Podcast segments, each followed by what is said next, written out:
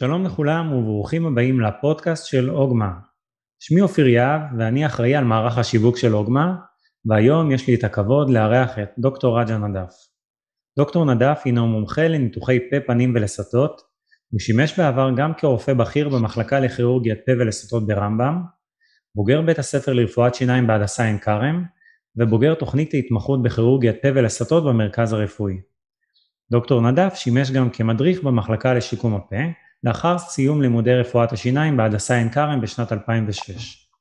הוא בעל ניסיון רב בניתוחי טראומה של הפנים, ניתוחי עוויתות בפנים, טיפול בזיהומים באזור הפנים וניסיון בטכניקות השתלות מורכבות ומתקדמות.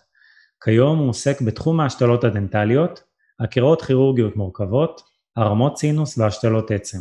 כמו כן, הוא עוסק בטכניקות מתקדמות כמו שתלים זיגומטיים או פטריגואידים, ומטבע התמחתו, הוא מוסמך לבצע טיפולים כירורגיים בהרדמה כללית. דוקטור נדף הינו חבר באיגודים המקצועיים International Association of Oral and Maxillofacial Surgery, האיגוד הישראלי לכירורגיית פה ולסת, וכן חבר בהסתדרות לרפואת שיניים בישראל וההסתדרות הרפואית בישראל. הוא משתתף ומרצה בכנסים בינלאומיים וארציים, בעל פרסומים בספרות המקצועית, ולאחרונה חיבר פרק בספר בינלאומי שעוסק בכירורגיית הפנים. שלום דוקטור נדף, מה שלומך? שלום שלום, אהלן אופיר. כבוד אה, לארח אותך כאן. הכבוד כולו שלי. ולמאזינים אני גם יכול לשתף שממש באחרונה פרסמנו אה, מקרה קליני אה, שלך ופרסמנו נכון. את זה ברשתות החברתיות וכמו שאמרת לי יש מקרים נוספים בתנור מה שנקרא. כן, כן, יש עוד מקרים בקנה, אבל uh, אתה יודע, uh, עד שאתה מוצא זמן לסדר את הכל, וגם זה שאנחנו, uh, אנחנו כירורגים גם חוטאים בזה לפעמים, שמרוב לחץ ומרוב שאנחנו כל הזמן בתנועה, אז, אז לא תמיד יש לנו את הזמן לתעד, ואז בדיעבד אנחנו מתחרטים על זה, אבל uh, בכל זאת uh, יש כמה מקרים שאני בקרוב אני גם נפרסם את זה. אז באמת אה, יש לך היכרות אה, ארוכת שנים עם אוגמה, אבל אה, נכון. הייתי דווקא שמח להתחיל לדבר קצת יותר על המסלול חיים שעברת, אז אם תוכל קצת לספר על עצמך, עוד לפני שהחלטת לעסוק ברפואת שיניים ובכירורגיית פה ולסתות. ובכן, אני בן 39, נשוי אב לארבע, כרגע אני מתגורר בנצרת, אבל uh, רק לאחרונה, כי רוב הזמן שלי עברתי בירושלים כשהייתי סטודנט, גם כשעבדתי בירושלים בתור רופא שיניים כללי, גם כששימשתי uh, מדריך במחלקה לשיקום הפה וגם עבדתי במחלקה לשיקום הפה. לאחר מכן, אה, כשהתקבלתי להתמחות ברמב"ם בכירורגית פה ולסת, אז עברתי לחיפה אה, וחייתי שם צמוד לבית חולים כדי להיות אה, בהיקון כל הזמן לקריאות, גם באמצע הלילה לניתוחים. ורק לאחרונה, לפני איזה כמה שנים, חזרתי לנצרת, איפה שנולדתי. אה, וזהו, ורוב הזמן שלי אני מעביר בין חיפה לקריות, אה, למרכז, הצפון, כאילו אה, בתנועה כל הזמן, שזה גם חלק די נחמד מהמקצוע, כי זה, זה פחות רוטינה וזה יותר להיות בכמה מקומות. לפגוש יותר אנשים, וזה מאוד נחמד, מבחינתי זה, זה דווקא יתרון ולא חיסרון. אה, זהו, אני סיימתי התמחות בפה ולסת ב-2015 ושימשתי גם אז מספר שנים כרופא בכיר שם. אה, התחום הכירורגיה הוא תחום שמשך אותי כבר מלכתחילה כשהייתי סטודנט לרפואת שיניים בהדסה. אה, תמיד ידעתי שאיכשהו אני צריך להיות קרוב לתחום הזה, ו... אה, התמזל מזלי שכן הצלחתי להיכנס למסלול הזה, רכשתי שם כלים וידע אה, אדירים. אה, וזה ידע שהיום, וניסיון, בשעות טיסה מה שנקרא, שהיום יכולים לתת לי גב ויכולים לתת לי ביטחון, לבצע כל מיני טיפולים, להימנע מכל מיני סיבוכים, ולטפל גם בסיבוכים כשזה קורה, וזה קורה, לכולם זה קורה. נראה שבגיל מאוד צעיר ידעת מה, מה רצית לעשות, שאתה רוצה להיות רופא שיניים, לראיה, בשנת 2006 סיימת את לימודי רפואת השיניים, זה 14-15 שנה אחורה, היית די כן. צעיר, בוא נגיד ככה. Uh, כן, כן, הייתי די, די ממוקד מטרה. התחלתי את הלימודים בגיל יחסית צעיר, uh, אני חושב שבגיל uh, אולי 19, 19, 20, ואז uh, זה לא שתכננתי את הכל, אבל אתה יודע, אתה מציב לעצמך מטרות, ידעתי לאיפה שאני הולך, סיימתי את לימודי רפואת שיניים, ידעתי שאני רוצה כירורגיה, כי כל הזמן התעניינתי בזה, כל הזמן אה, רדפתי אחרי זה, כל הזמן התלוויתי לכירורגים, הסתכלתי, עזרתי לכירורגים אה, אה, בניתוחים, אז, אז ידעתי ש, שלזה אני מכוון, ואז גם כשאתה אין לך תוכנית כזאת ברורה בראש, ברגע שאתה יודע שיש לך מטרה, אז איכשהו גם כל, ה, כל האנרגיות שלך כאילו זורמות ל, ל, למטרה הזאת, ובסופו של דבר, אם אתה רוצה משהו מספיק טוב, מספיק חזק, אתה לפעמים, אתה משיג את זה. וכן, בגיל יחסית צעיר, כשאתה אומר עכשיו 2006, אז פתאום זה, זה נשמע הרבה זמן, ואני מבסוט, אני די מרוצה, זה מקצוע שהוא נותן אה, סיפוק רב אה, בכל התחומים שלו. ואני כאילו לא מתחרט, כמובן שלא, ו... ואני שמח שיצא לי ככה, שהמסלול שלי הגיע לאיפה שאני רציתי להגיע בסופו של דבר. אתה, כמו שאני מבין, מאוד מאוד שמח מהמקום שבו אתה נמצא. תספר לי נכון. קצת על, הש, על השלבים בדרך ל... אה, בהתמחות עצמה, כלומר מה, מה לומדים תוך כדי התהליך ואיזה מידע רוכשים אה, בתהליך הזה של אה, התמחות אה, של פה ולסתות? תשמע, התמחות של כירורגית פה ולסת זה התמחות שהיא התמחות שהיא רפואית, שהיא בהיסטורית, היא נובעת והיא באה מרופאת שיניים, אבל בארץ, בעולם בעיקר וגם בארץ לאחרונה, יש שינוי שהתחום הזה הוא תחום שהוא יותר שייך לרפואה, לכן אה, לאחרונה אה, אה, גם בארץ ההמלצה או הקריטריונים להתקבל להתמחות כזאת זה שהרופא יהיה לו גם דאבל דיגרי, מה שנקרא שזה תואר של רופא שיניים וגם רופא כללי, אז זה משהו שהוא כבר סטנדרט באירופה ובעולם מזה שנים. אה, כי ההתמחות עצמה זה התמחות של בית חולים, אתה, אתה, אתה מבלה כמעט את כל, את כל החמש שנים האלה בבית חולים, נדיר שיש לך זמן לעבוד אחר הצהריים, זה קשה מאוד, כי יש לך גם אחריות של המחלקה, אחריות של החולים. Mm-hmm. בבית, בבית חולים אה, אה, מרכזי כמו ברמב"ם, אז אתה כל הזמן צריך להיות מוכן ובהיקון, ובמיוחד כשאתה תורן אז אתה תורן, אז אתה נמצא שם 28 שעות, 26 שעות, אז אתה, אתה שם, וגם כשאתה בבית ויש מקרה ויש ניתוחים, אז אתה צריך להיות גם כן, כי הרבה מקרים אתה, אתה מקפיצים אותך לשם אה, אה, כדי להשתתף בניתוחים, אז אה, אתה מבלה את, בעצם את החמש שנים האלה של ההתמחות בבית חולים. עכשיו, זו מחלקה שמכילה אה, אה, הרבה חולים, חולים מכל המגוון של הבעיות אה, של אה, כירורגית פה ולסת, אה, החל אה, מזיהומים אבססיים משיניים מזוהמות, שני בינה מזוהמות, עד לטראומות, אה, תאונות דרכים, נפילות מגובה, פציעות mm-hmm. ירי, וכמובן אה, אה, ניתוחים אורתוגנטיים של גישור לסתות, אה, תיקוני עיוותי פנים של ילדים שנולדים עם חש שסוע ועיוותי פנים אחרים, רבים אחרים, ותחום של האונקולוגיה, שזה תחום רחב, אה, שכל ה, מה שקשור לכריתות ולטיפול המשכי בחולים אונקולוגיים עם סרטנים בפנים ובחלל הפה. אז הקשת של, ה, של, ה, של הכירורגיה פריבילזית היא קשת מאוד מאוד אה, אה, רחבה. אתה טועם מהכל, אה, במיוחד בבית חולים כמו ברמב"ם, אתה משתתף בכל הניתוחים, אתה צובר ידע, וגם החלק שהוא לא פחות חשוב, לדעתי, גם החלק ה-oral surgery שבתחום הזה, שזה השתלות וזה, זה גם תחום שהוא חשוב, שזה גם אסכולה בפני עצמה, אומנם כירורג פה ולסת יכול לפרק, איך שאומרים, יכול לפרק פרצוף ולהרכיב אותו מחדש, אבל הוא גם צריך שיהיה לו את הידע השיקומי התיאורטי, לא חייב שהוא יהיה משקם, הרוב לא משקם כמובן, mm-hmm. אבל הוא חייב שיהיה לו את הידע, הידע, הידע התיאורטי, שידע איך בסופו של דבר לספק את השתלים, לספק את החלק הכירורגי כהכנה שיקומית לאחר מכן, שזה בסופו של דבר, זה המטרה של השתלים. אז גם החלק הזה זה משהו שאתה לומד בהתמחות,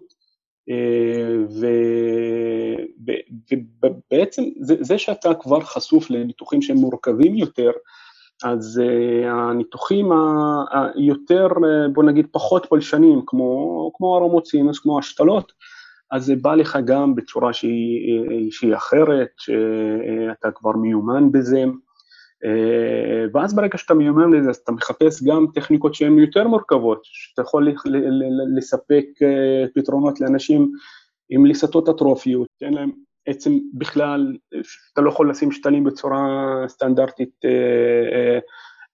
הרגילה, ואז גם המיומנות בתור כירורג אה, אתה יכול גם אה, להתמקצע ולהיכנס לתחומים שהם יותר פולשניים, לניתוחים שהם יותר מורכבים, שלפעמים מחייבים גם הרדמה כללית בנוכחות מרדים, בין אם זה בבית חולים או בין אם זה במרפאה פרטית שהיא מוכנה אה, בהתאם להנחיות משרד הבריאות לעשות טיפולים תחת הרדמה כללית.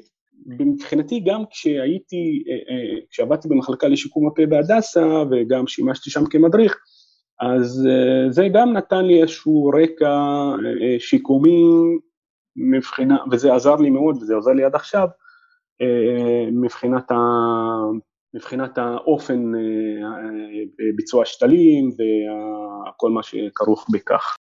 יכולת גם לבצע השתלות, הרכירות כירורגיות מורכבות וכדומה, האם למיטב ניסיונך זה סוג של מעבר טבעי שאנשים מצד אחד לומדים את הידע התיאורטי הזה, ואז בסוף מתעלים אותו לכיוון התחום של ההשתלות?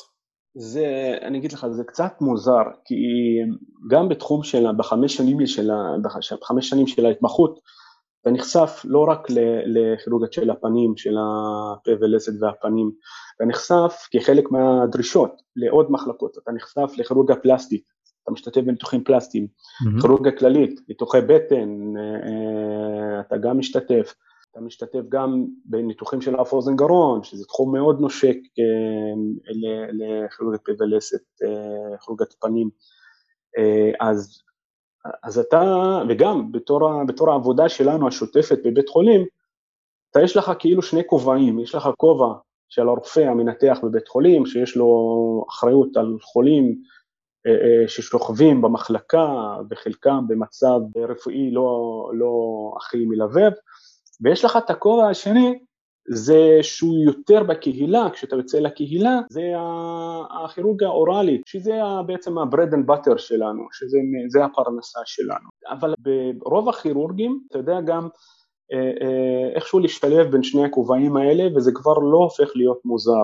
כי בבית חולים אתה מתפקד כמנתח, גם בחוץ אתה מתפקד כמנתח, אתה מביא את הידע שלך ואתה מביא את, ה, את כל המיומנות שרכשת, ואתה לא מיישם אותה כשאתה עושה שתל או כשאתה עושה רמת סינוס, אבל אתה כבר מודע אה, מבחינת אנטומיה אה, יותר, מה יכול, להיות, מה יכול להסתבך חלילה, ממה להימנע, איפה לא להתקרב, איפה לא לגעת, אם קורה משהו, איך לטפל? מיידית, לא מיידית, כל הדברים האלה. אז בסופו של דבר אתה יודע לעשות, אתה יודע לשלב בין שני הכובעים האלה, ודווקא, לדעתי דווקא זה שיש לך את הגב הזה של, ה, של ה, מה שרכשת בבית חולים, זה יכול לתת לך יותר, יותר כוח ויותר כלים אה, אה, להתמודד עם אה, מקרים אה, מורכבים יותר בהשתלות ובהרמות סינוס ובכל הדברים האלה. מעניין מאוד. דיברנו על, קצת על המסלול ההכשרה וכדומה ומה בעצם מסלול ההתמחות שלך. בוא תספר לי קצת על הכאן ועכשיו, קצת על כן. הסדר היום שלך. Uh, סדר היום, כיום אנחנו בתקופה הזאת של, ה, של ה... כן סגר, לא סגר, אז קצת, קצת, זה קצת לא הרוטינה שלנו. כן. זו, זו הייתה השאלה הבאה שלי על סדר היום החדש, אבל... סדר היום החדש, אני אתחיל מזה, כי זה, אני, אנחנו מחכים רק שזה ייגמר. Uh, תשמע, בסגר הראשון, למי שזוכר, אנחנו כמעט ולא עבדנו. מי שעבד, גם ההנחיה הייתה לטפל לטיפולים של, של עזרה ראשונה, טיפולים דחופים בלבד. זה היה גם פה בארץ וזה גם ההנחיות היו של, של גם באירופה וגם בארצות הברית, אז במשך איזה חודשיים פלוס אני כמעט ולא עבדתי, לא רק אני, גם הרבה קולגות שלי.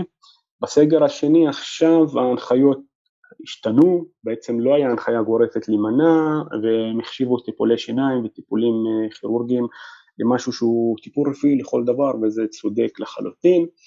אה, גם מבחינה נפשית, גם מבחינה אה, פיזית, בריאותית למטופלים, מטופל שנמצא במהלך טיפול ארוך של שיקום, של השתלות, אתה לא יכול לתקוע אותו באמצע, mm-hmm. לא לפה ולא לפה. כמובן אתה עובד, המשכנו לעבוד רגיל, פחות כי בכל מקרה יש את כל העניין של, ה, של הסגר, יש את ההגבלות, uh, גם uh, אנשים באוכלוסיות של סיכון וזה, אז הם פחות מגיעים, אבל uh, יחסית לסגר הראשון אז אנחנו כמעט עבדנו רגיל, כמובן אתה הולך לכל, לפי כל התקנות, לפי כל, ה, כל ההנחיות של ההתמגנות אה, לך, לצוות וגם למטופל. אה, זה לגבי המצב עכשיו, אבל לגבי סדר היום הרגיל שלי, אז אני עובד גם בקופות חולים, אה, מספר קופות חולים, אני, אני נותן שירותים כירורגיים שם, ויש לי כמה מרפאות, עדיין אין לי מרפאה פרטית משלי, זה גם משהו שהוא בתכנון, אה, שיהיה לי משהו משלי, אה, מקום, איזושהי פינה חמה שתהיה בשבילי. Mm-hmm. וכרגע היום אני מסתובב בין מספר מרפאות מובחרות, לא הרבה, אבל זה מספר מרפאות שאתה אתה, אתה כבר נמצא איתם ביחסים, עם הרופא, עם הצוות, עם המטופלים, שנים. אז אתה הופך להיות שם חלק אינטגרלי מהמרפאה, וזה מרפאות ותיקות, עם טיפולים איכותיים, אז, אה, אז אה, היום אני גם, חלק גדול מהעבודה שלי זה במרפאות כאלה, אה, בצפון, אפילו במרכז לפעמים אני מגיע. היתרון, היתרון להיות כירורג זה שאתה לא, זה לא טיפולים שוטפים של, שאתה צריך להיות במרפאה מסוימת יום כן יום לא, לפעמים לפעמים אחת לשבוע, לפעמים אחת לשבועיים, יש מרפאות mm-hmm. שאני הולך אליהן אחת לחודש, תלוי גם אה, כמה מקרים יש לרופא שם. ורוב המרפאות שאני הולך אליהן זה מרפאות, כמו שאמרתי, זה שאתה מתחיל שם ואתה לא יודע לאיפה זה ילך, ופתאום אתה שם חמש-שש שנים, אתה כבר חלק מהצוות, אה, חלק מהמטופלים, אתה כבר מטפל בבן של ובאבא שלו ובשכן. Mm-hmm. אה, שזה מאוד נחמד, זה מאוד נחמד. אה, ואז יש לך גם את ההמשכיות הזאת של לעקוב אחרי המטופל, אה, במידה וקורה משהו, להיות שם גם כן, לתת את המענה, גם לתת את הביקורות, שזה משהו גם לא פחות חשוב. אז אני כיום המסתובב במרפאות האלה, ברוב המרפאות אני מביא את כל הציוד, כי אני, אתה יודע, אתה, אתה מתרגל לציוד שלך, אתה מתרגל לחומר שלך שאתה משתמש בו, יש מרפאות שאתה הולך אליהן והרופא משתמש בציוד כזה ואחר, או בעצם כזאת ואחרת, ואתה לא מכיר, או שאתה לא אוהב, או שאתה לא סומך על החומר הזה. אז ב- ב- ב- ברוב המוחלט של המרפאות האלה, הרופאים יודעים, אני בא, אה, אני עם הכל, עם כל הציוד, mm-hmm. עם כל הארסנל וגם עם החומרים, כי אתה יודע, אתה יודע לעבוד עם החומרים שלך, אתה יודע את הפרדיקטיבוליות של החומרים שאתה עובד איתם. כמובן שאני ממשיך להתעדכן בכנסים, זה מקצוע שאתה כל הזמן לומד, וזה לא בושה להגיד את זה, כי כל הזמן לומדים, כל הזמן, גם המומחים, המומחים הכי גדולים, כל הזמן יש טכניקות, כל הזמן יש חומרים, כל הזמן יש המצאות כאלה ואחרות, פיתוחים כאלה ואחרים, של, של הדפסות תלת מימד ושל טכניקות שיכולות לחסוך לך את הפרוצדורה הזאת ואת הפרוצדורה הזאת ולחסוך לך זמן פה וזמן שם. אז זה גם משהו שאני לומד את זה כל הזמן, וכמובן, לא פחות חשוב, יש הרבה פעמים אנשים שבאים ושואלים, דוקטור, מה עם הפרסום הזה של שיניים ביום אחד? אז אתה אומר להם, חברים, במקרה שלך, אתה צריך ללכת לפי הספר, by the book, גם אם זה לוקח לך שנה, זה האני מאמין שלי, אתה רוצה, בכיף, זה הטיפול, אבל יש, אתה צריך גם לעשות את ה-case selection, לבחור טוב את המקרים, לא כל טכניקה מתאימה לכל מקרה, אתה צריך לתפור את המקרה, את, ה, את הטכניקה ואת הידע שלך למקרה הספציפי, ויש מקרים, ואני אומר למטופלים, שמקרה הזה אי אפשר לקצר, אי אפשר לעשות קיצורי דרך, זה ללכת לפי הספר, זה להמתין ככה וככה חודשים, סיכוי הצלחה ככה וככה, וברוב המקרים אנשים מקבלים את זה כי, כי הם רואים, כמובן מכירים אותך, מכירים את הרופא שאתה עובד אצלו, והם רואים שאתה בא בקטע של, אתה צריך את טובת המטופל בסופו של דבר. זה שזה נמשך יותר זמן, אז כנראה שזה צריך להימשך יותר זמן, לתת לגוף לעשות את שלו גם כן, זה משהו שהוא מאוד חשוב.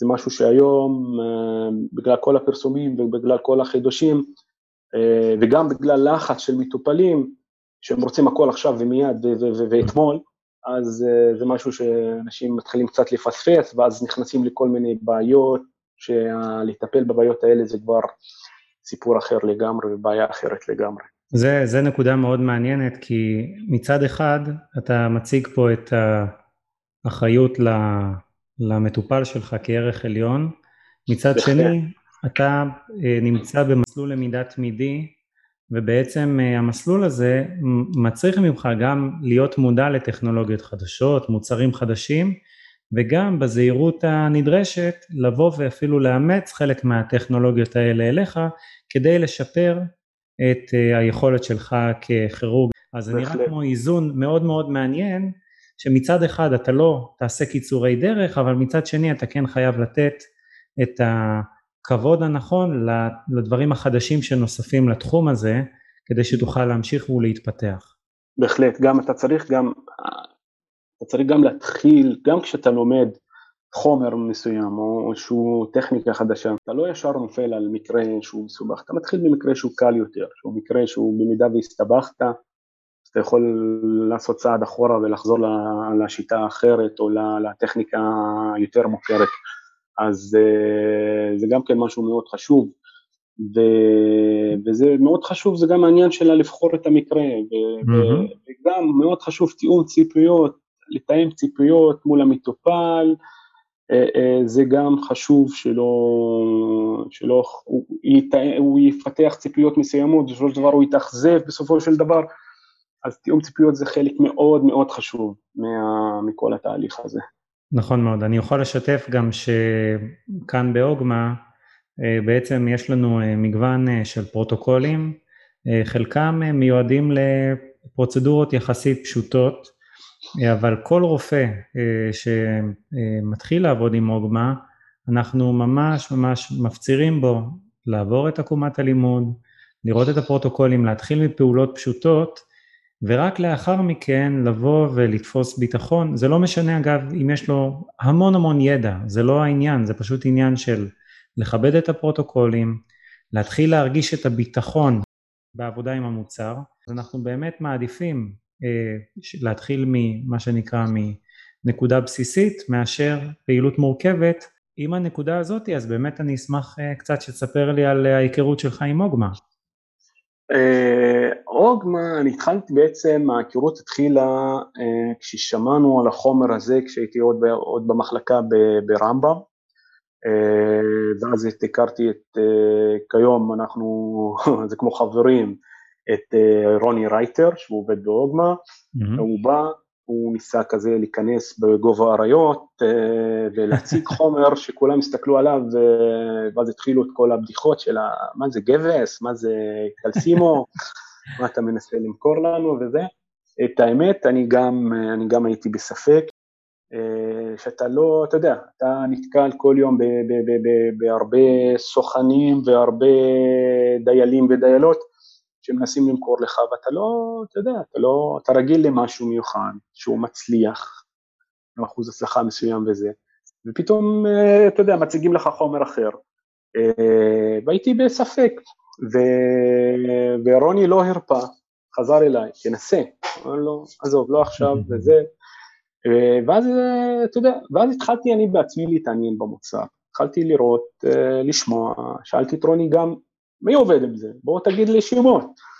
ואז הוא נתן לי שמות, הייתי מרים טלפון לאנשים האלה, חבר, מה זה וזה. ברוב, אתה יודע, זה היה התחלתי, אז כאלה שאומרים, אני לא יודע, שמתי את זה, בוא נחכה, אתה מבין, אני לא יודע מה יהיה.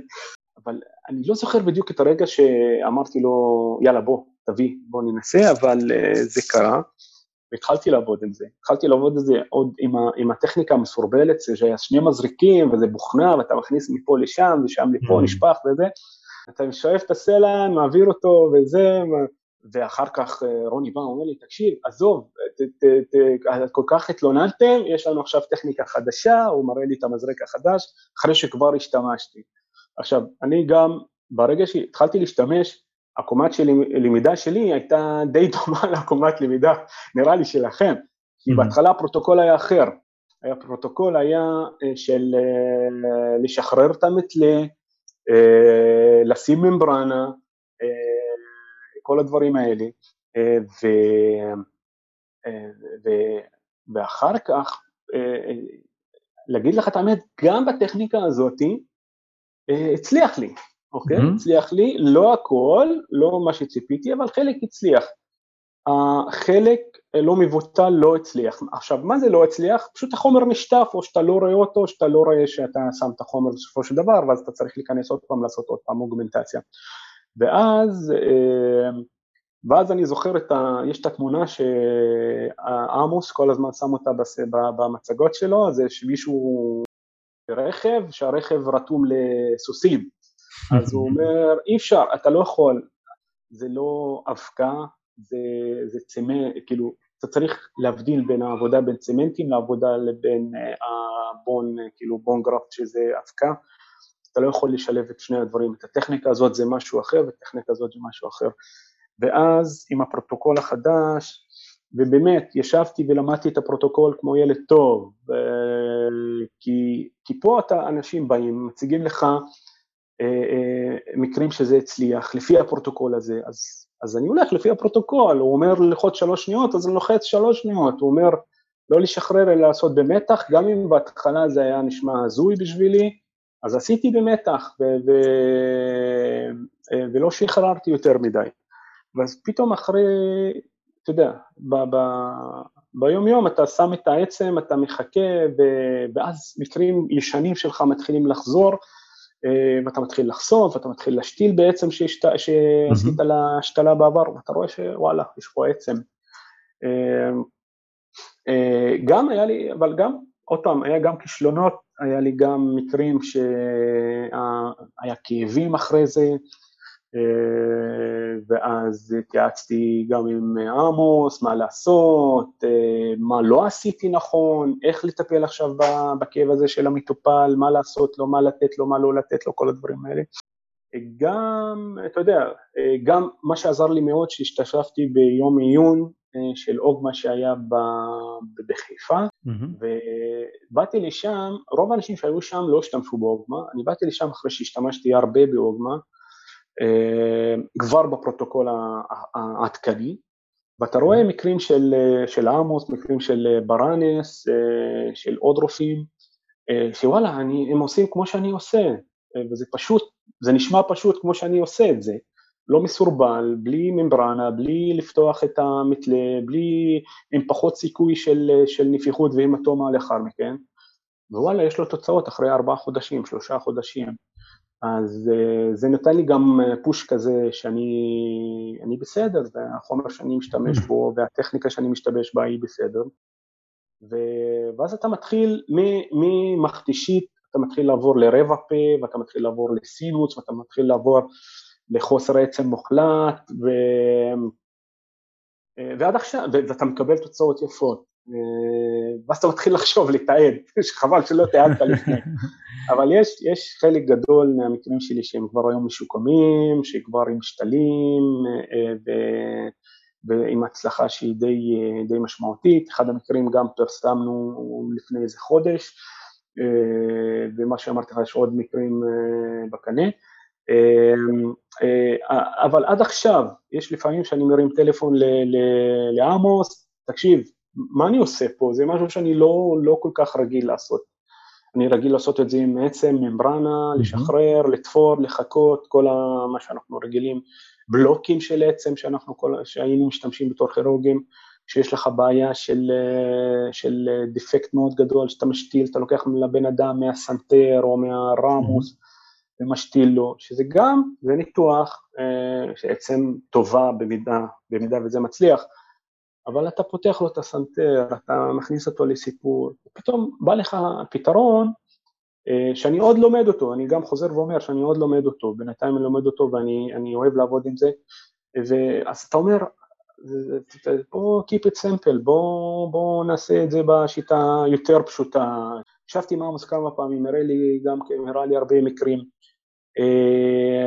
ואני גם עוקב כמובן ברשתות, בקבוצות, אה, לגבי מקרים.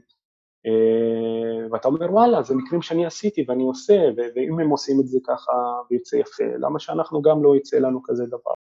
רוב השימוש שלי באוגמנטציות אה, בין אם זה באוגמנטציות עם שתלים, בין אם זה עקירה והשתלה, בין אם זה אה, ממש שחזור רכס ודברים כאלה, אז רוב אני היום יותר ויותר משתמש בבונט הפתית של אוגמה, יש עדיין מקרים שאני חוזר לשיטה הישנה והטובה של, אה, של אה, אה, ממברנה בעצם, שהיא יותר... זה, זה, כן, זה גם מחזיר אותנו לנקודה של מה שאתה כן. אומר case selection. יש מקרים, מקרים שבהם אתה מרגיש יותר בטוח, שאתה גם מרגיש המון ביטחון עם אוגמה, מקרים אחרים שבהם אתה בוחר לעבוד עם... כן, כן, כן, אתה בוחר, וזה יותר חכם, כי אתה לא יכול אה, לזרוק את, כאילו, את כל הביצים בסל אחד, אתה צריך גם שיהיה לך, ובתור כירורג שאתה יודע את רוב הטכניקות, לא את כל הטכניקות, אף אחד לא יודע את כל הטכניקות, אבל ברגע שאתה יודע את רוב הטכניקות, אז אתה יודע גם אה, אה, לעשות את ה-case selection ולהתאים את, החומר למטופל ואת הטכניקה למטופל. אז אה, גם.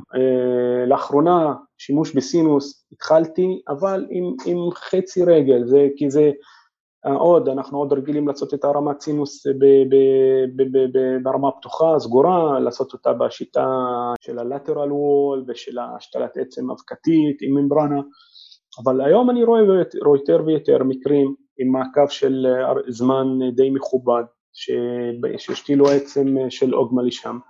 וזה מצליח וזה יפה, וזה, ואז אני יותר תופס, אה, תופס אה, אה, אומץ ואגיד וואלה, זה עובד, עבד אצלו, אין שום סיבה שזה לא יעבוד אצלי.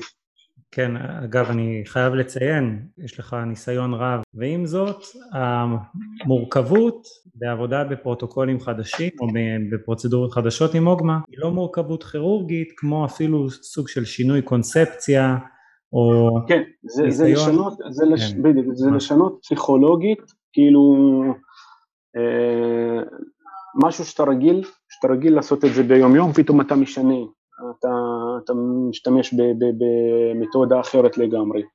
אה, כן, זה מאוד, אה, זה מאוד גם כן משהו שהוא קונספטואלי בראש שלך, מה שנקרא. ממש כך. לאורך הדקות האחרונות סיפקת המון המון טיפים שימושיים. לאדם שמתחיל לעבוד עם אוגמה, יש לך אולי טיפ אחד לבן אדם שמתחיל לעבוד? אה, למי שמתחיל רק עכשיו לעבוד עם אוגמה, אז קודם כל תשכח את מה שאתה יודע על, על השתלת עצים עם אבקה, בין אם זה אלוגרפט או קסנוגרפט, תשכח את זה, שים את זה בצד. הפיתוח מתלה הוא אחר, הטכניקה היא אחרת, מאוד עוזר להיכנס ליוטיוב ולראות, זה לא בושה, וזה, וזה, כולם עושים את זה, וזה אחלה דרך של, של מידע. גם אפילו בהדגמות שעושים על, על, על פלסטיק, לראות איך עושים את זה, וגם בהדגמות של מכתשית, תתחיל עם מכתשית, אתה, עוקר שן, יש לך שם, אה, עקרת את השן, ניקית את הגרנולציה, יש לך, אתה רוצה לשמר את המכתשית, תסתכל איך עושים את זה, תסתכל איך לוחצים. אז הטיפ שלי זה להתחיל ממשהו פשוט, להתחיל ממכתשית אה, אה, פשוטה, שישית תחתונה, שישית עליונה, לתפור במתח, לראות, ממש לראות את הוידאוים, יש הרבה, יש הרבה וידאוים של הסברה ומקרים קליניים עם מעקב ועם צילומים של רנטגן לפני ואחרי. להתחיל, תחכה, תעשה צילום אחר כך, תראה איך זה נראה, ואז, ואז, ואז אפשר כאילו כבר יותר להעז וללכת למקרים שהם יותר, טיפה יותר מתקדמים. טיפ מעולה. אנחנו נמצאים בשלהי תקופת הקורונה, לפחות יש את הפריבילגיה קצת לעבוד, רק מהשקפתך, איך היום יום שלך ייראה בעוד חודשיים, שלושה, ארבעה, שנה? אני מקווה שפחות מזה, אני מקווה שכבר, אני מקווה שכבר לקראת, לקראת ה Christmas המצב כבר ישתפר, למרות שזה חורף ואי אפשר לדעת מה, מה יהיה עם כל המגפה הזאת בזמן של חורף, אבל אני מאמין שאנחנו במצב קיים שצריך לדעת לחיות עם זה, להתאקלם עם זה, לשנות, לשנות פאזה ולשנות אורח חיים, לשנות הרגלים שהיו לנו, ופשוט בשלב מסוים צריך פשוט לחיות עם זה. אני מאמין, ש... אני לא יודע מתי זה יהיה, אני מאמין שלקראת סוף השנה פשוט נחזור נתכנן טיסה לחו"ל, נתכנן איזשהו חופש, שזה מאוד חסר לנו, אה, לתת אוויר לנשום לילדים שכל הזמן תקועים בזום ובווידאוים mm-hmm. ובכל הלמידה מרחוק. גם כשהם היו בבית ספר, אז כל הלחץ הזה מסביב של הבית ספר, איך להגיע, ל... וילד קטן בכיתה ד' שצריך לשים מסכה והיא נופלת לו מהפנים והוא לא יודע מה לעשות, שזה mm-hmm. כל זה, זה גם לחצים שלילד קטן זה גם לא משהו שהוא בריא לפי דעתי. אני מאוד מקווה שהתחלואה תרד, בסופו של דבר היא צריכה לרדת, אה, ואנחנו נצטרך לחיות עם זה, אה, לשנות אה, אורח חיים והרגלים, ואני מקווה מאוד שתוך חודש, חודשיים אנחנו נחזור ל- ל- לרגיל שלנו, נחזור לטייל בחו"ל, גם בארץ לחזור לטייל, שזה גם משהו שהוא חסר.